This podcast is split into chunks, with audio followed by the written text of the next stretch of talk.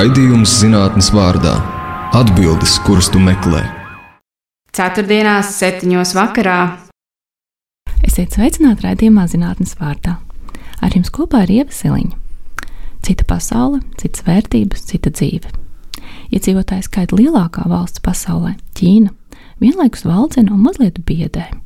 Viena no senākajām civilizācijām pasaulē, kas šobrīd dzīvo zem komunisma zvaigznes.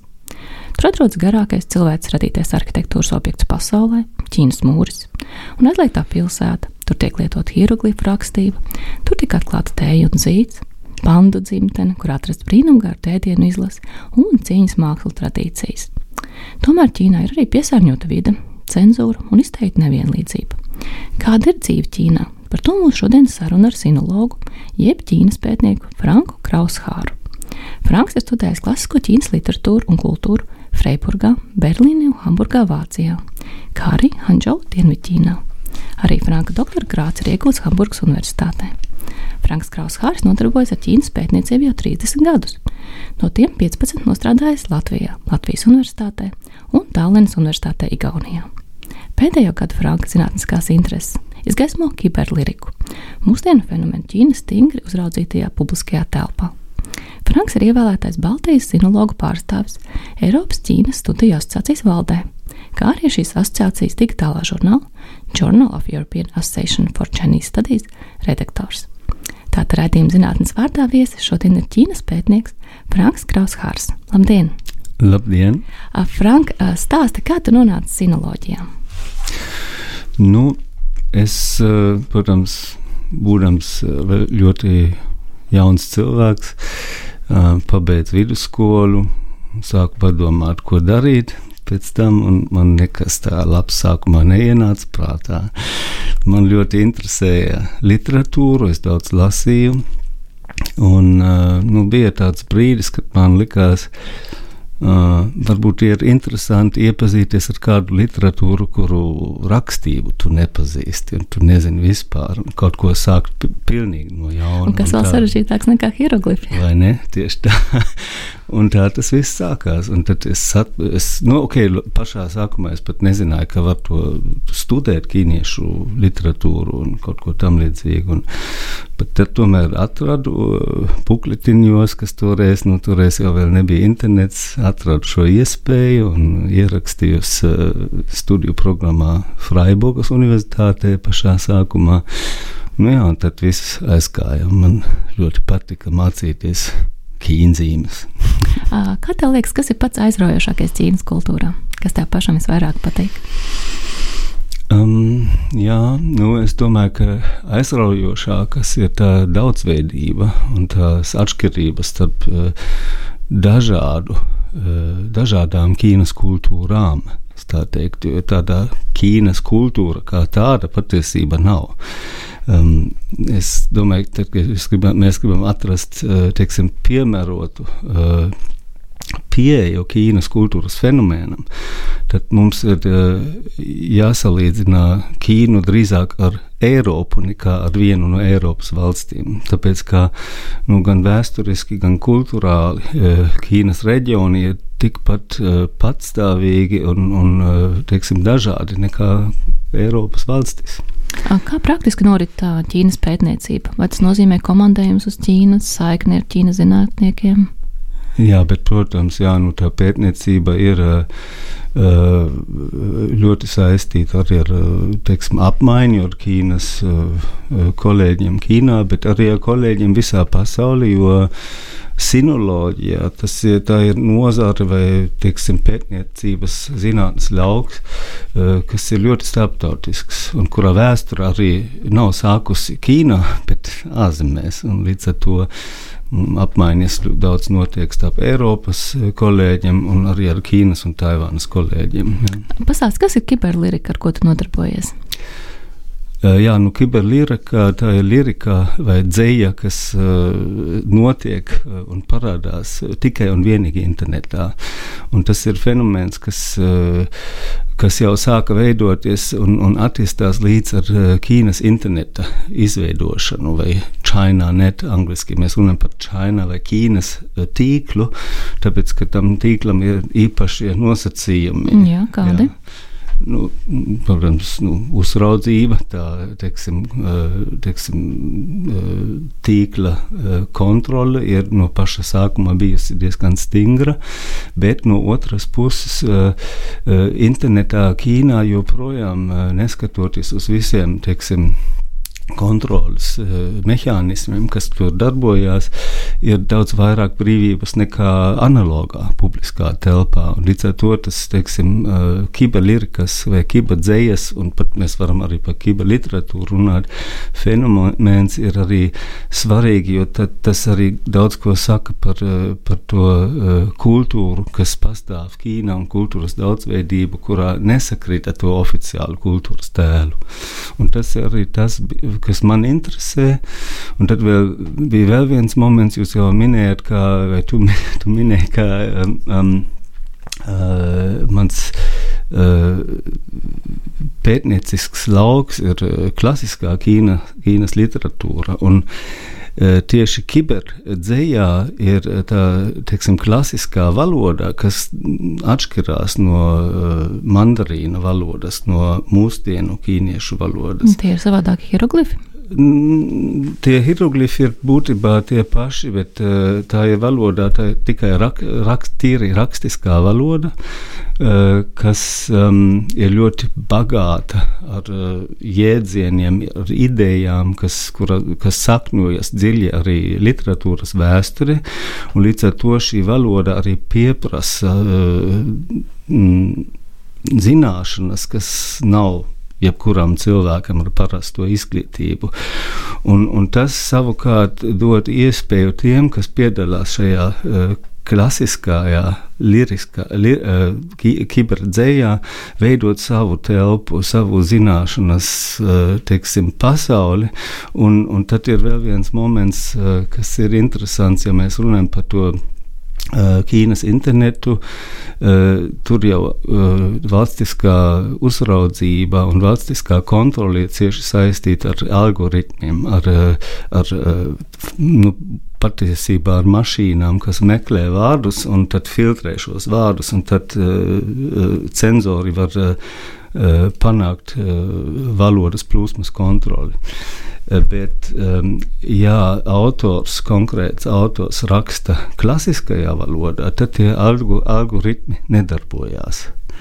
Un tad jūs varat runāt par cilvēkiem, par notikumiem, par kuriem jūs tādā veidā un vispār brīvi nevarat runāt, ja jūs izmantojat to eh, mūsdienīgo valodu. Piemēram, eh, Ķīnas partijas priekšsēdētājs un prezidents Xi Jinping nedrīkst uh, minēt nekādā sakarā, uh, kas varētu pie, uh, būt, teiksim, vai pieļaut to, ka mēs skatāmies uz valdību kritiski. Bet Ķīnas klasiskajā valodā jūs varat tur pietiek runāt par imperatoru, un visi zina un saprot, ka runa ir par Xi Jinping. Ja viņi māca šos hieroglifus un saprot šo valodu. Jā, jā nu, labi. Tas, tas, es tagad jums devu, eh, es devu ļoti vienkāršu paraugu, eh, bet um, klasiskā valodā, kā jau iepriekš teicu, ir ļoti bagāta valoda, un tur var visu teikt netiešā veidā. Um, līdz ar to jūs varat ļoti tieši runāt par, un ļoti skaidri runāt. Uh, neminējot to pašu priekšmetu ar to vārdu, ar, ar tādiem nosaukumiem, kas Ko ir pieņemti. Jā, jā. Saki, kādēļ Eiropā un Latvijā būtu jāpēta Ķīna? Um, nu, vispirms tādēļ, ka bez Ķīnas pieredzes, kā sinoloģi bieži saka, ka Ķīnas pieredze, kultūras pieredze, pasaules pieredze, mēs to mūsdienu pasauli nevaram īsti vairs saprast. Jo mēs esam gan atšķirīgi, ja mēs salīdzinām Ķīnas uh, un Ķīnas pasaules kultūru un valodu ar Eiropas un Rietumu kultūru un valodu, bet mēs tik un tā esam savienoti. Visi savienots, vai ne? Jā. Bet kādas vispār ir zināšanas par Ķīnu rietumos? Cik daudz mēs zinām? uh, Nu, es teiktu, ka ņemot vērā to, ka Latvijas teiksim, publiskā telpa ir, ir, ir samērā, teiksim, tā teiktu, nacionāla un reģionāla, tie Latvijā tās zināšanas ir ļoti zemā līmenī. Um, bet no otras puses var arī minēt no savas pieredzes Latvijas uh, Universitātē un arī Kultūras akadēmijā, ka nu, interese par Ķīnu un Austrumāziju vienmēr uh, jaunu cilvēku vidū ir ļoti eksotika. liela. Jā, nu, tā ir, protams, arī eksotika zināmā mērā. Savukārt Eiropas līmenī un pasaules līmenī tās zināšanas ir, nu, arī nav tādā līmenī, ka, piemēram, eh, Eiropieši zināšanas par vienu no citām Eiropas valstīm. Jā, tas ir tāpēc, ka konteksts ir plašs un savādāks. Bet, um, ja mēs salīdzinām um, žurnālismu, avīzes rakstu, rakstus, eh, kas tika publicēti pirms 20 gadiem, un, un tagad tā atšķirība ir milzīga. Jo tagad, eh, piemēram, Vācijā vai Anglijā, eh, Lielbritānijā, Francijā žurnālisti, kas publicē par Ķīnu, parasti ir cilvēki, kas paši ir dzīvojuši ilgstoši pašā Ķīnā, vai vismaz viņam ir ilgstoša pieredze ar Ķīnu, kas pirms 20 gadiem, protams, tā arī nav bijis. Nozīmē, ka ir pilnīgi cita izpratne, vai ne? Tava dzimtene Vācija. Kādēļ pirms 15 gadiem tu izvēlējies pētniecību veikt Latvijā un Igaunijā? Jā, nu labi, tas ir arī tāds personīgs, personīgs tā, personīgais stāsts. Es biju pirms 15 nu, gadiem. Um, Es strādāju jau kā zinātniskais asistents, um, tādā vidējas karjeras posmā uh, Münchenes Universitātē. Un, um, 24. gadā, 2004. gadā um, zināms, ka Baltijas valstis pievienojas Eiropas Savienībā. Mēs tieši tajā pašā laikā arī saņēmām aicinājumu kā, veidot kontaktus. Es domāju, nu, kā interesanti. Es neesmu neko dzirdējis par šo pasaules un Eiropas uh, kaktiņu, un aizbraucu uz šejieni. Tad uh, lasīju vienu vai divas lekcijas, man liekas, toreiz. Un tad man pārsteidzošā kārtā aicināja, vai es negribētu atbraukt un ilgāk palikt. Eh, jo eh, pastāvēja toreiz plāns Latvijas Universitāti veidot jauno programmu un arī eh, vienkārši tā paplašināt, pastiprināt Austrumāzijas Ķīnas studijas, un bija nepieciešams cilvēks ar doktora grādu. Un tad, tad jums ir jāsaprot, ka uh, nu, mm, Rietuma Eiropa jau pirms 15 gadiem tā konkurence starp zinātniekiem, jauniem zinātniekiem, zinātniekiem bija ļoti stingra. Un tieši tāpēc uh, man patika šis piedāvājums, jo man nepatika izredz, ka vēl desmit gadus ir jākomp, nu, jā, jā, karjeras kāpnēm. Un, tā, un es uztveru šo piedāvājumu kā iespēju, pie tā man ļoti patika. Uh, dzirdēt latviešu valodu, un uh, man patika Rīga un, un, un uh, Vīdzemes jūrmala un tā tālāk. Un es vienkārši atbraucu, tā viss sākās. Un kā atšķirās akadēmiskā joma Baltijā, um, Vācijā, Ķīnā? Um, jā, nu, uh, Tās atšķirības ir eh, ļoti lielas. Es jau minēju, ka Vācijā, Rietumē, Eiropas valstīs konkurences eh, starp akadēmiķiem, īpaši tad, kad viņi ir vidējā karjeras posma, ir, eh, posmā, ir ļoti liela, ļoti asa konkurence. Um, uh, Ķīnā tā konkurence ir vēl asāka šobrīd. Uh, uh, Un, bet savukārt Baltijas valstīs um, uh, mums, protams, ir krietni citā situācija. Tur jums ir jābūt vēlmes, personīga motivācija, kas varbūt nevienmēr tikai un vienīgi saistās ar zinātni un zinātniskām iespējām, bet jums ir jābūt motivācija arī šeit strādāt. Um, un, protams, tas, kas var dot šo motivāciju, principā ir zināmā mērā arī brīvība, kur jums šeit piedāvā un uh, iespējas uh, kaut ko attīstīt darīt. Eh, un, un šeit, protams, ir ne viss ir tik viennozīmīgi. Ja jūs gribat kaut ko attīstīt, kaut ko bīdīt uz priekšu, tad jums ir nepieciešams arī attiecoši apstākļi, atbalsts un tā tālāk. Un tas uh, reizē ir, reizē nav. Un ar to cilvēkam, protams, ir jātiek galā. Kā um, vienmēr, pluss ar, ir līdzsvarot ar mīnusiem, vai ne? Jā, tieši tā. Kā ar Ķīnu vai Ķīnā pastāv akadēmiskā brīvība?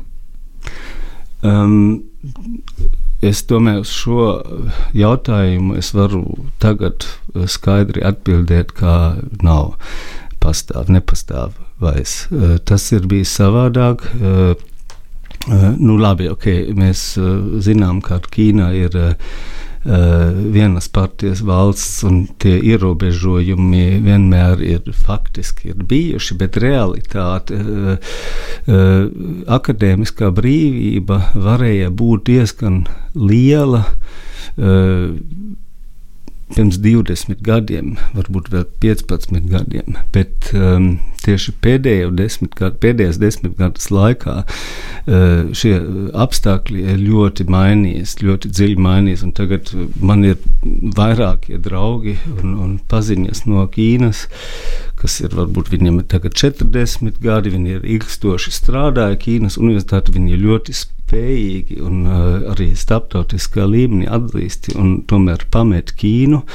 Nevis tādēļ, ka viņam esot sliktas algas un zemas algas, tieši otrādi bieži viņi var pelnīt labākas algas nekā rietumos tagad. Bet uh, tāpēc, ka um, viņi jūtās nedroši. Ja jūs esat pasniedzējis, vai vienalga, vai esat docents, lektors vai profesors, uh, Eh, jūs pasniedzat nu, teiksim, vēsturi. Pasakiet kaut ko kritiski par, eh, par, eh, par pašreizēju valdību, par partiju, par Ķīnas teiksim, imperiālu pagātni, kas varētu pieļaut, ka mūsdienu stāvoklis ir mazliet kritizējams arī tad uh, jebkuram no jūsu studentiem ir iespējas uh, uh, iesniegt iesniegumu pret jums uh, cenzūras uh, birojā, kas atrodas ap stūri, nu, jebkurā universitāte, un viņš par to saņem uh, apbalvojumu. Un jūs varat zaudēt, piemēram, tiesības sūtīt savu bērnu bērnu dārzā. Un, eh, tā ir sistēma, kas ir ļoti teiksim, mm, izsmalcināta, ļoti izgudrota uh, un nu, gandrīz nu, ļoti sliecās uz, uz to perfekcionēšanu, ka cilvēks, cilvēkam, cilvēks netiek tiešā veidā spiests kaut ko pateikt vai nepateikt, bet viņš zina visu laiku, ka viņam ir jā Eh, jārunā tādā veidā vai citā veidā, un eh, nevis tā, ka viņš varbūt varētu eh, vai gribētu to darīt kā pasniedzējs. Un tas, protams, nu, rada tādus apstākļus, kas daudziem cilvēkiem, īpaši akadēmiķiem, nav pieņēmami. Kāds ietekmē zinātniekus? Kā tas ietekmē zinātniekus. Ne tikai zinātniekus, bet arī studējošus cilvēkus, studentus. Tas ietekmē ļoti stipri tajā ziņā, ka nu, teiksim, tas oportunisms ir vienkārši augošs un, un, un ieņem sabiedrību, pārņem sabiedrību visos līmeņos. Jā. Ko šī ikdienas cenzūra nozīmē ķīniešiem ikdienā? Es teiktu, ka daudzi to vispār neņem vērā, vairs, jo tas ir tik, tik pašsaprotami, šķiet, ka dabiski, un cenzūra nav eh, eh, teiksim, no mm, parasta pilsoņa eh, un iedzīvotāja skatu leņķa nav tīri negatīvs faktors. Tas cenzūra nenozīmē, ka jums aizliegs tikai kaut ko to un to teikt. Bet cenzūra arī nozīmē, ka jūs varat uh, panākt to, ka uh, jūsu pozīcija sabiedrībā uzlabojas. Piemēram, uh, Ķīnā tagad darbojas tā saucamā aplikācijā Čango. Čango nozīmē stiprināt valstu aplikāciju. šī aplikācija ir jābūt jebkuram ierēdnim, jebkuram skolēn, skolēniem. Un ir ļoti iesakāms to aplikāciju arī izmantot teiksim, privātiem uzņēmējiem, jo aplikācijā jūs varat ikdienā uh, uh, atrast Xi Jinping izteikumus uh, jebkurai dzīves Uh, un prof, vai profesionālas, vai arī privātas, vai publiskas. Tā kā citātu krātumu. Jūs varat, jā, jūs varat to iemācīties, uh, jūs varat mācīties, kā vai nu tiešā veidā, vai netiešā veidā vēsties pēc šiem iz, izteikumiem, un tas jums noder, bet valsts uh, iestādes uzraudzības iestādes arī kontrolē, cik bieži jūs izmantojat šo aplikāciju. Un atbilstoši šādiem faktoriem, jūsu rādītāji mainās. Nozīmē, ka ja katru vakaru es atvērtu palasīt uh, sī, kā jā, citātus, tad jā. es dabūtu labāku reitingu un Tieši labāku dzīvokli. Jā, jā. Un līdz ar to šī, sistē, šī cenzūras sistēma krasi atšķirās no padomu laiku uh, cenzūras, kuru mums ir ļoti daudz informācijas, un, un uh, mēs domājam, ka visi zinām un saprotam, un ka tas ir pagātne, tā ir pagātnes lieta, ka pat, patiesībā mūsdienas cenzūras sistēmas. Uh, kas veidojas ne tikai Ķīnā, bet arī dažas rietumvalstīs. Uh, bet Ķīna ir milzīgs eksperimenta lauks, eh, kur eh, jauna cenzūras eh, teiksim, sistēma tiek izveidota un attīstīta. Tāpēc, ka caur augstāk, augstajām tehnoloģijām un internetu? Jā. Tas ir tas jaunais, vai ne? Nu, bet, protams, jā. Jā. Vai tev būtu kādi konkrēti ieteikumi mūsu zinātniekiem, akadēmiķiem, kas gribētu sadarboties ar Ķīnu? Uh, jā, nu, pirmkārt, um, ir eh, ļoti būtiski saprast, ka vienalga cik eh, varbūt uh, uh, lielas, at, lieli uh, tie, tās atšķirības ir, cik šokējoši dažas lietas mums parādās. Tā sadarbība un tā kopā būšana globālajā līmenī nepaies, un, un tas, tas turpinās.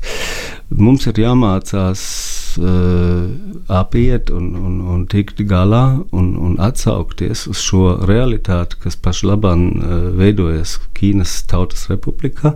Es gribētu arī tagad uh, minēt, ka uh, ir arī uh, cita Ķīnas sabiedrība Taivānā, kur mums ir uh, apstākļi, kas ir daudz tuvāki mums un saprotamāki. Bet, uh, Protams, ka Ķīnas Tautas Republikas apstākļi ir tie, kas arī ietekmē mūsdienu pasauli visvairāk.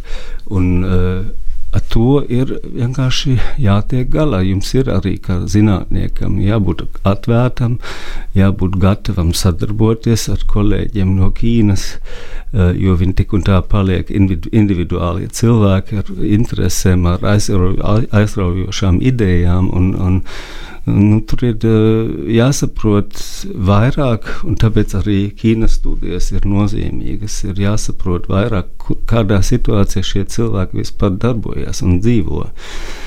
Un tad, uh, jā, tad ir jāpieņem savus lēmumus un jā, jāattīstā tālāk šo attīstību. Jāsaka, ka ļoti svarīga ir empātija, vai ne? Saprast, tā, no kurienes nāk šie cilvēki un jā, jā. tā ir veidot sadarbību. Jā. Šis ir raidījums zinātnes vārtā. Ar jums kopā ir Ieva Siliņa. Viesos mums šodien ir sinologs Franks Kraushārs. Iepriekš runājām par akadēmiskajām lietām, tagad gribētos parunāt par politisko režīmu Ķīnā. Frank, mēs jau mazliet pieskārāmies, bet pastāsti, kāds tieši ir komunisms Ķīnā? Es teiktu, komunisms, komunismā Ķīnā vispār nav vairs, bet ir komunistiskā partija. Kas tad ir komunisma vietā? Kapitālisms. Nu, ja mēs gribam raksturot uh, Ķīnas sabiedrību un apstākļus Ķīnā, gan ekonomiskus, gan sociālus apstākļus, tad mēs parasti runājam par uh, partijas valsts kapitālismu, nevis par partijas valsts komunismu. Um, protams, tā partija, kas uh, faktiski pārvalda šo valsti, ir komunistiskā partija, un tā ir vislielākā. Nu, kom... Zvaigznes tā arī sarkanas. Zvaigznes arī sarkanas, tā ir vislielākā komunistiskā partija pasauli, kas uztur attiecības ar socialistiskām partijām citās valstīs, arī ar citām partijām, jā. Bet, uh, Nu, piemēram, šajā komunistiskā partijā ir arī uh, jaunie marksisti, kas ir palikuši un kļuvuši stiprāki un ietekmīgāki teiksim, šī gadsimta sākumā, sakarā ar to, ka tomēr Ķīnā ir, toreiz bija šo ir joprojām ir ļoti lielas sociālas problēmas ar bezdarbu, ar uh, migrējošiem strādniekiem un tā tālāk. Un, un, un šie jaunie maksisti uh, pārsvarā bija jaunie partijas locekļi, kas gribēja atdzīvināt šo marksismu un sociālismu. Un, un viņi arī joprojām ir, bet viņi tieši 2010. gados tiek vājināti tika vājināti, jo viņi bija pārāk kritiski un, uh, un pārāk apdraudēja arī uh, valsts un partijas vadības uh, teiksim, reputāciju kopējā teiksim, publiskā sakarā. Tagad tie jaunie marksisti ir ļoti tuvi Ķīnas nacionālistiem. Uh, viņi vairs neizteicās tik atklāti un tik kritiski, bet viņi ir pielāgojušies uh, šiem varas apstākļiem.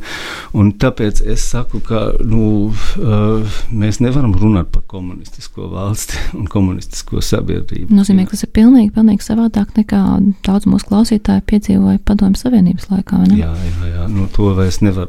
Tās izmaiņas ir bijušas milzīgas un dziļas.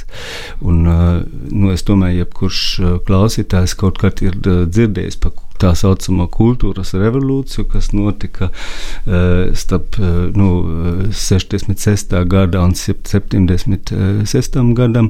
Un, um, tā kultūras revolūcija ir tā, tā dziļā trauma Ķīnas un, un Ķīnas Tautas Republikas vēsturē ar daudziem upuriem. Un, uh, un, un, Un, un, un, nu, tā kā vēsturiski uzskata, ka šis kultūras evolūcijas posms ir uh, bijis posms, kad uh, partijas vadība un Mauta Tung mēģināja radikāli izmainīt un, un, un apvērst uh, gan kultūru, gan sabiedrību, gan arī partiju. Tas viss ieveda Ķīnā kaosā un partija un valsts bija tuvu sabrukumam pēc kultūras revolūcijas uh, laika. Bet uh, pēdējo 20 gadu laikā daudzi Ķīnas zinātāji un eksperti tomēr uh, uzskata, ka patiesā kultūras revolūcija, īstie apvēsumi, kas ir dziļi un neatgriežami mainījuši Ķīnas sabiedrību, ir notikuši pēdējo 20 gadu laikā. Un, tas bija, protams, saistī, saistīts ar uh, kapitālisma ienākšanu Ķīnā. Nu, Ķīnas prezidents Jīpjevārds ir astoņus gadus. Varbūt var izstāstīt, kā ir mainījusies un kāda šobrīd ir ķīniešu dzīve viņa vadībā. Jā, Um, Xi Jinping uh, ir uh, presē ir pazīstams kā Ķīnas prezidents. Ja, kopš astoņiem gadiem viņš ir amatā. Uh, Bet viņa uh, svarīgākā funkcija, kā uh, politiķis, ir uh, nevis prezidenta funkcija, bet um, partijas priekšsēdētāja funkcija. Jo uh, Ķīnas politiskā sistēma, uh, Ķīnas politiskā sistēma um, balstās uz diviem pilāriem. Viens pilārs ir uh, valsts, un otrais ir uh, partija. Patiesībā mēs varam teikt, ka Xi Jinping vadības laikā uh, pirmais pilārs valsts, valsts ir uh, tika pārveidots un ir kļuvis arvien vairāk par fasādi. Tad valsts ir pārties varas instruments. Uh, piemēram, Xi Jinping ir, uh, uh, nu, viņš ir vadījis politika, teiksim, vairākas politiskās kampaņas, kas ir dziļi izmainījuši teiksim, attiecības starp likumdošanu un patiju eh, līdz ar ekonomiskas atvēršanas eh, notikumiem, kas eh, notika no 1980. gadiem līdz patiesībā vēl līdz mūsdienām, mēs tā varētu teikt. Tomēr likumdošanas un ties, tiesnešu ne, neatkarība no, uh, no pāties bija vai tika uzskatīts par, svarīgs, par svarīgo faktoru. Bet tikai tieši šī, šie teiksim, š, um, šī attieksme ir, ir mainījusies Xi-Jinping laikā. Tagad ir skaidrs, un uh, Ķīnā tas ir arī publiski pieņemts, un uh, neviens to vairs neapstrīd, uh, ka uh, likumdošana ir jāseko pāties vadlīnijām un pāties arī faktiski ideoloģijai. Um, un tiesnešiem nav ne, neatkarības teiksim, attiecībos pāties orgāniem. Ja mēs patiesībā runājam par autokrātiju, kur vienai personai pieder neierobežota augstākā vara. Jā, tā ir autokrātija. Jā.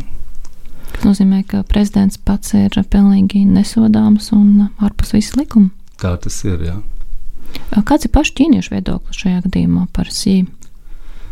Um, Ķīnā ir uh, ļoti būtiska atšķirība no Eh, oficiāla un neoficiāla līmeņa. Reitingi ir pozitīvi. Reitingi ir pozitīvi. Un, jūs varat, ja jūs runājat ar, um, ar cilvēku, kas ir piemēram jūsu sadarbības partneris zinātnē, uh, jums ir jāsaprot, uh, kādā situācijā jūs ar viņu runājat. Ja viņš šajā situācijā runā kā iestādes pārstāvis, kā autoritatīvā persona, viņš, protams, nekad nepauž savu attieksmi, kritisku attieksmi pret valdību. Ja jūs ar viņu runājat uh, citā kontekstā, kur var uztvert par privāto uh, kontekstu, tad viņš var savādāk izpausties. Un, ja viņš ir drošs, ka to nenoklausās. Tieši tā. Jā. Tas ir, par, tas, tas ir pavisam normāli. Un, protams, ir arī līdzīgas schēmas rietumu pasauli. Protams, kā teiksim, oficiāls pārstāvis arī rietumu pasauli nerunā tāpat, kā viņš runā kā privāta persona. Bet tomēr tās atšķirības Ķīnai ir daudz dziļākas. Jā, bet ir jāsaprot, kā, kā tas ir un, un kā, kā jau iepriekš teicu, jāsaprot, kā. Uh, kā novērtēt uh, konkrētu situāciju, un tad jūs varat arī komunicēt. Vai ir sabiedrības daļas, kas uzskata par pozitīvu šo autorkā, autoritāro sistēmu? Jā, uh, es teiktu, ka viena sabiedrības daļa uh, to autoritatīvo sistēmu uzskata par, par pozitīvu. Un, bet jāsaprot, kāpēc. Un, un tieši šajā kontekstā ir, ir būtiski teiksim, saprast Xi Jinping politisko raksturu. Xi Jinping ir populists, radikāls populists. Viņš ir no pašā sākumā īstenojis politiku publiskajā telpā, kas uh, viņa personību izvērst uh, vai, vai uh, parādā um, valsts un sabiedrības uh, centrā un kā autoritatīvo perso personu. Un, uh, līdz ar to Ķīnā tas populisms ir faktiski leģitimizējošs faktors uh, Xi Jinping uh, režīmām, kamēr vienlaicīgi, protams, ir lielas sabiedrības daļa, kas, daļas, Eh, kas ļoti kritiski skatās. Droši vien inteliģence. Ne? Jā, ok, labi. Inteliģence tā ir, tas ir, tas, protams, tā ir viena daļa, kurā ir ļoti teiksim, atšķirīgie viedokļi un, un kur ilgstoši tā teiksim, rezistance pret šī politika bija ļoti stipra, bet tomēr šajā jomā, inteliģences jomā pati ir, ir spējusi, un tas arī parāda, cik varena šī partija ir spējusi no, noremdēt visu teiksim, kritiku un, un visu pašpārliecību intelektuālu cilvēku uh, aprindās. Piemēram, uh, jēdziens um, publiskais intelektuāls, uh, public intellectual, uh, angļu valodā vai uh, ķīniešu valodā, Gunkungs Šefens, uh, ir bijis ļoti uh, prestižos, eh, ļoti pozitīvs jēdziens 90. Eh, gados, šī gadsimta sākumā. Bet tagad šis jēdziens ir gandrīz jau lamavāts. Jūs nedrīkstat sev uh, parādīt kā publisko intelektuālu. Tas ir kaut kas slikts. Tas ir cilvēks, kas uzstājas ar saviem individuāliem viedokļiem uh, un uh, kas nepauž to pareizo viedokli kas ir eh, jau ierakstīts, iecirsts, grāmatā vai aplikācijā. Tieši tā. Un viens paraugs varbūt eh, cita, citam sabiedrības eh, sektoram būtu tieši saistāms ar to ekonomiku un ar lieliem uzņēmumiem, kas tomēr ir nesuši pēdējo 40 gadu laikā arī Ķīnas izaugsmi. Un šajā kopsakarā, protams, Ķīnā ilgi lielie veiksminieki, kas ir nodibinājuši lielu uzņēmumus kā Huawei vai arī uh, Alibaba.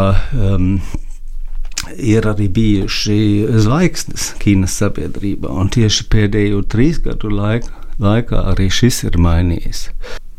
Franks saka, ko Cinpina režīms nozīmē apkārtējai pasaulē? Jā, es domāju, ka mm, šī uh, valdība ir, protams, uh, mainījusi Ķīnas ārpolitiku. Um, tas ir saistīts ar pirmām kārtām ar tā saucamo zīda ceļa projektu, kuram ir uh, arī uh, daudz teiksim, pozitīvi. Uh, teiksim, aspekti, jo zīda ceļa inici iniciatīva, protams, ir būtībā fokusēta uz investīcijām visā pasaulē un veicina arī apmaiņu ar Ķīnu. Uh, Eh, bet eh, no otras puses eh, ķīnieši Xi Jinping laikā vai Ķīnas valdībā Xi Jinping laikā ir sākuši nu, arī mainīt uh, savu um, uh, publisko tēlu uh, ārpolitikas jomā, uh, uzstājoties daudz stingrāk pret uh, teiksim, uh, uh, citām valstīm vai pret starptautiskām organizācijām, nevalstiskām organizācijām, kas kritizē Ķīnu.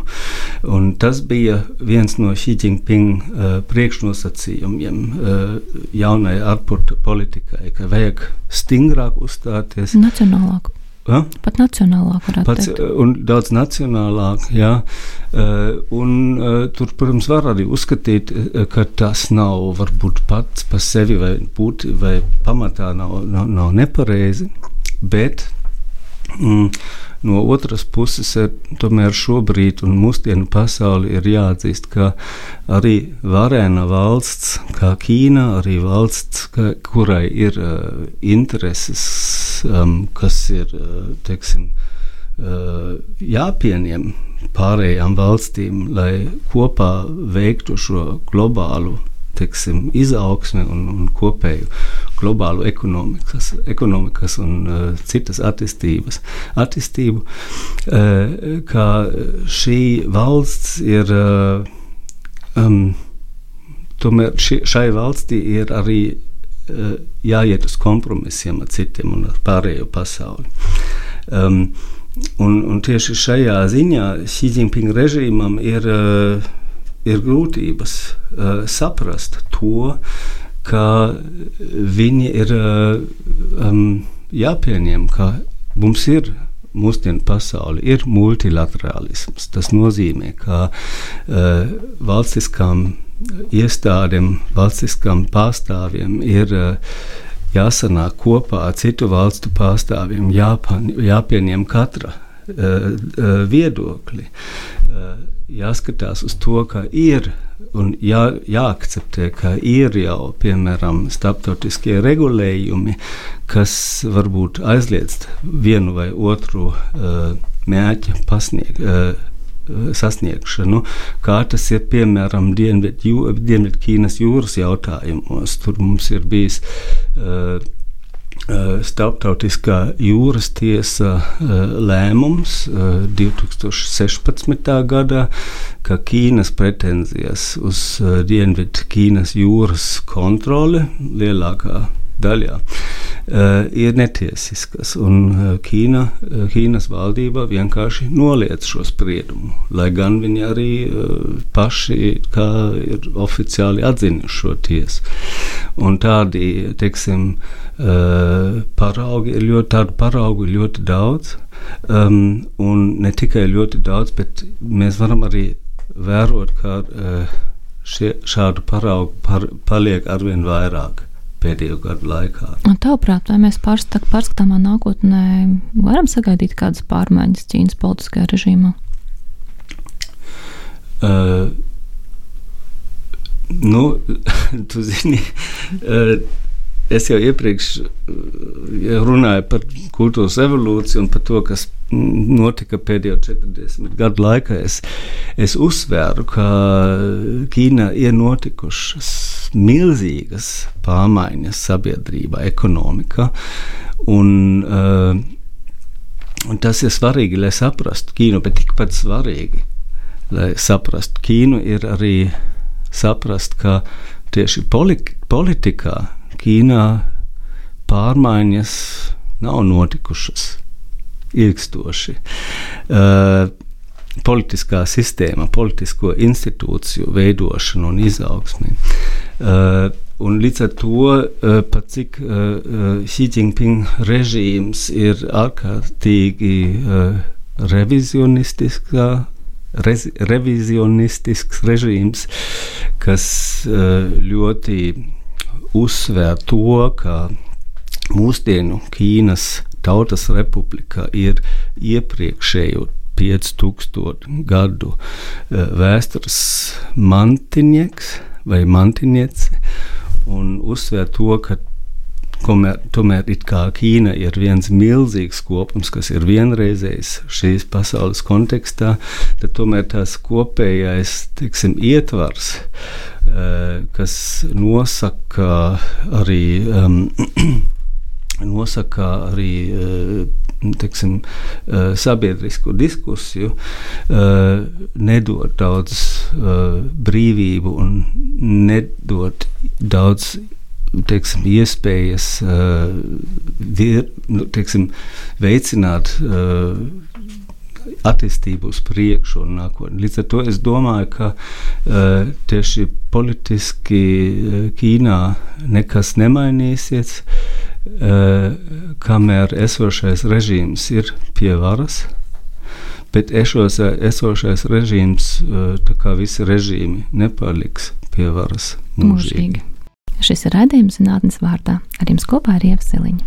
Viesos mums šodien ir Ķīnas pētnieks Franks Kraushārs. Iepriekš runājām par politisko režīmu Ķīnā. Tagad gribētos pārunāt aktuālo konfliktu starp Lietuvu un Ķīnu. Konflikta saknes patiesībā meklējams pirms diviem gadiem, kad Lietuvas izlūkdienesti pirmo reizi identificēja Ķīnas spiegošanas aktivitātes kā draudu nacionālajai drošībai un aktualizējās ar jaunā tagadējā seima ievēlēšanu, kas iekļauj koalīcijas līgumā atbalstu Taivānai. Šī gada maijā Lietuva paziņoja par izstāšanos no Ķīnas ekonomiskās politiskās sadarbības formāta 17 plus 1. Tomēr visvairāk Ķīnu saniknoja Lietuvas lēmums atvērt Taivānas pārstāvniecību, kuras nosaukumā tiks tieši lietots nosaukums Taivāna, nevis Taibei, kāds tiek darīts daudzās citās valstīs, lai neaizskaitinātu Pekinu. Augustā Ķīna paziņoja par savu vēstnieku atsaukšanu no Viļņas un pieprasīja, lai Lietuva atsauc arī savu.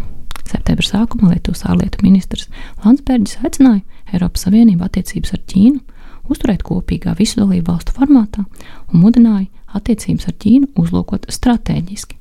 Saki, Franki, kāds ir tās kā sinologa skatījums uz to, kas notiek šeit kaimiņos?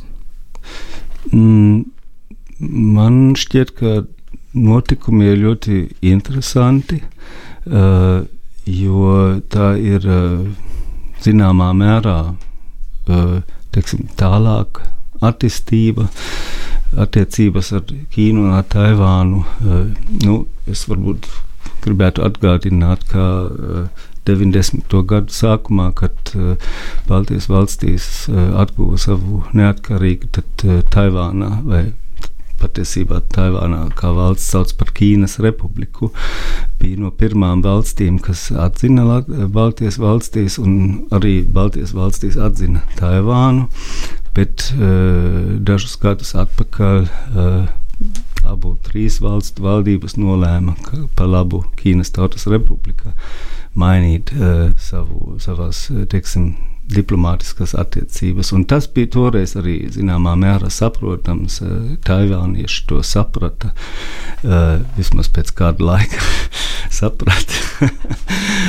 un, um, bet tomēr, jā, kā jau iepriekš arī minējām, pirms pauzes vēsture vai laiki iet uz priekšu un, un izmaiņas notiek. Un, un, un, es domāju, ka no, no visa, ko mēs esam Teksim, par ko mēs esam runājuši šajā intervijā līdz šim, jau izriet skaidri, ka uh, Ķīnas attīstība zināmā mērā arī prasa izmaiņas mūsu attieksmi pret Ķīnu.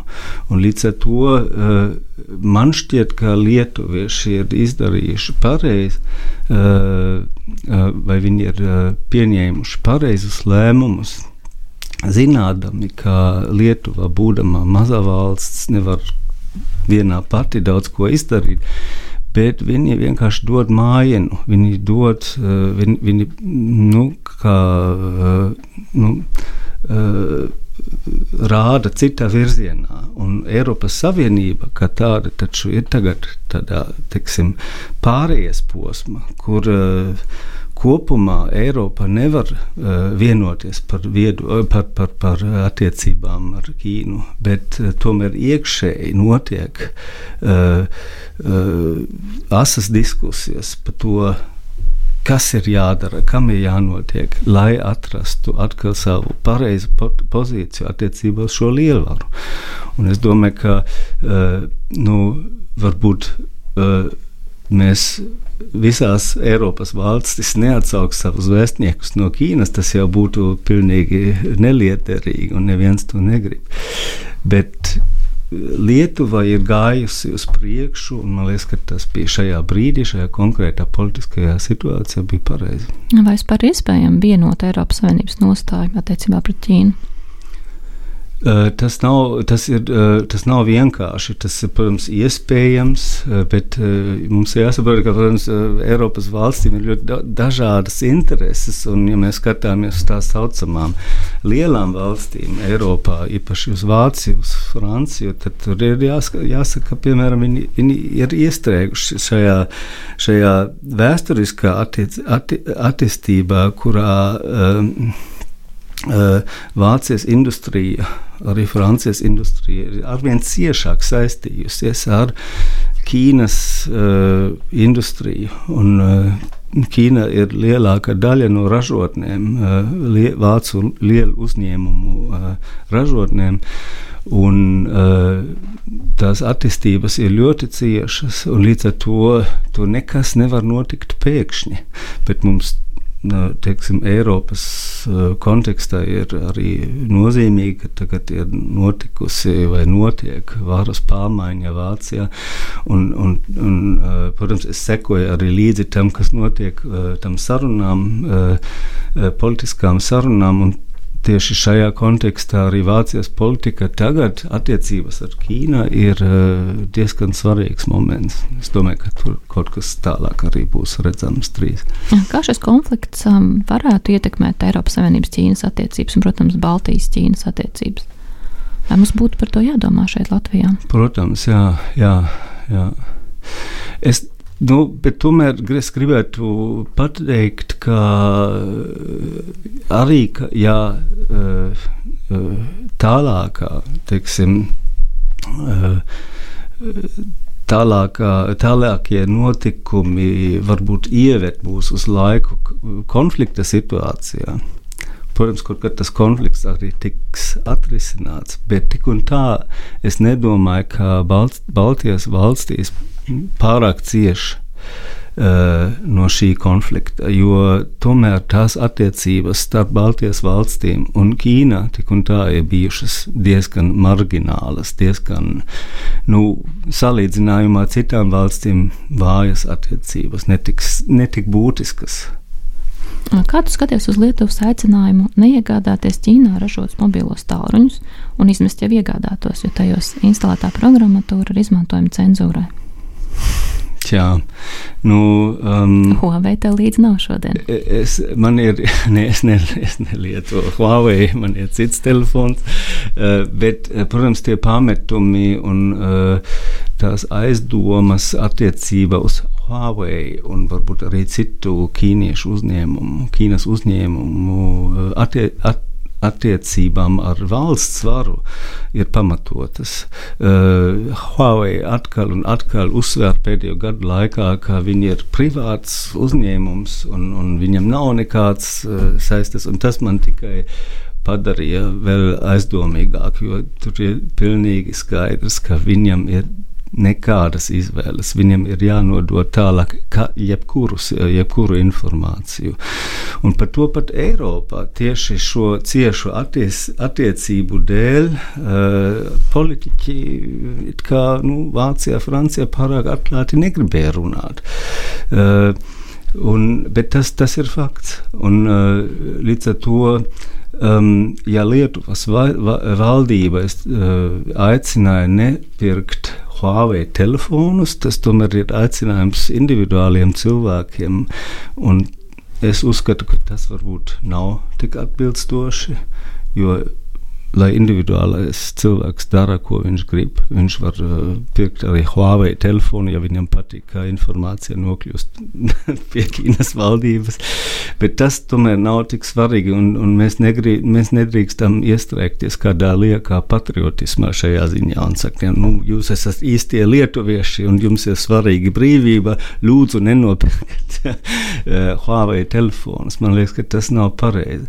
Bet uh, savukārt varbūt ieteikt uh, ne, uh, nesadarboties ar Huawei tajā 5G jautājumā, ja mēs runājam par to ātrāko internetu, uh, tas ir cits jautājums. Tur man šajā ziņā, šajā izpratnē, man liekas, ka krit, nu, skepsi ir, ir vietā. Es saprotu, ka tehnoloģijām skepse tev ir, bet vai tu ikdienā patēri arī Ķīnas kultūru, piemēram, lasi dzēju?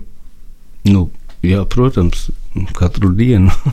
es, to, es, jau, es jau pētu dzēju, bet uh, nu, zini, zini, man, man ir, es jau pašā sākumā stāstīju, ka manā sākotnējā motivācijā bija mācīties un, un mācīt ķīniešu rakstību un uh, uh, un, um, un valodu, literatūru.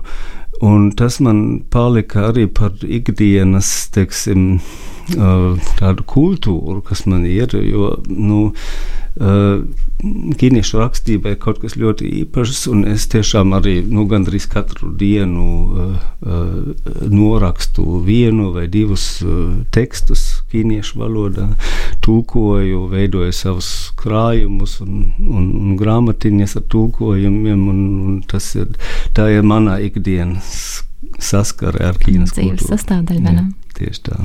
Jā. Nobeigumā, kāda ir tava nākotnes plāna attiecībā uz pētniecību?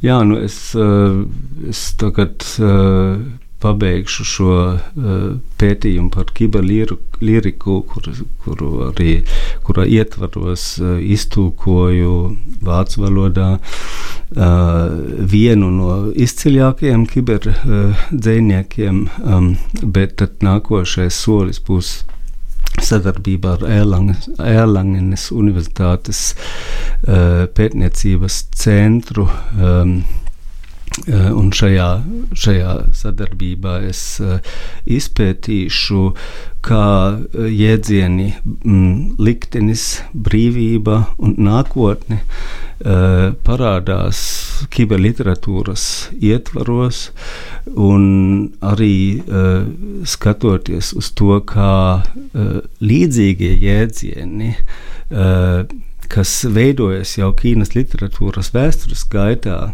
vai tradīcijā, tiek interpretēti mūsdienu Ķīnas sabiedrības kontekstā. Un tas man aizņems laikam uh, nākamos, nākamo divu gadu laikā. Izklausās ļoti interesanti. Paldies. Paldies, Frank. Es no sirds priecājos taviem panākumiem, novēlu akadēmiskās sekmes arī turpmāk. Atgādinu, ka redzījumā zinātnes vārdā bija sinologs Franks Kraushārs. Studijā bija Iepseliņa. Lai sekot jaunumiem mūsu radio, atcerieties piesakot ēta radio nabu kanāliem, sociālos tīklos, Facebook, Twitter un Instagram. Lai jums visiem dižens vakars! Atā! Raidījums zinātnes vārdā - atbildes, kuras tu meklē. Ceturtdienās, septiņos vakarā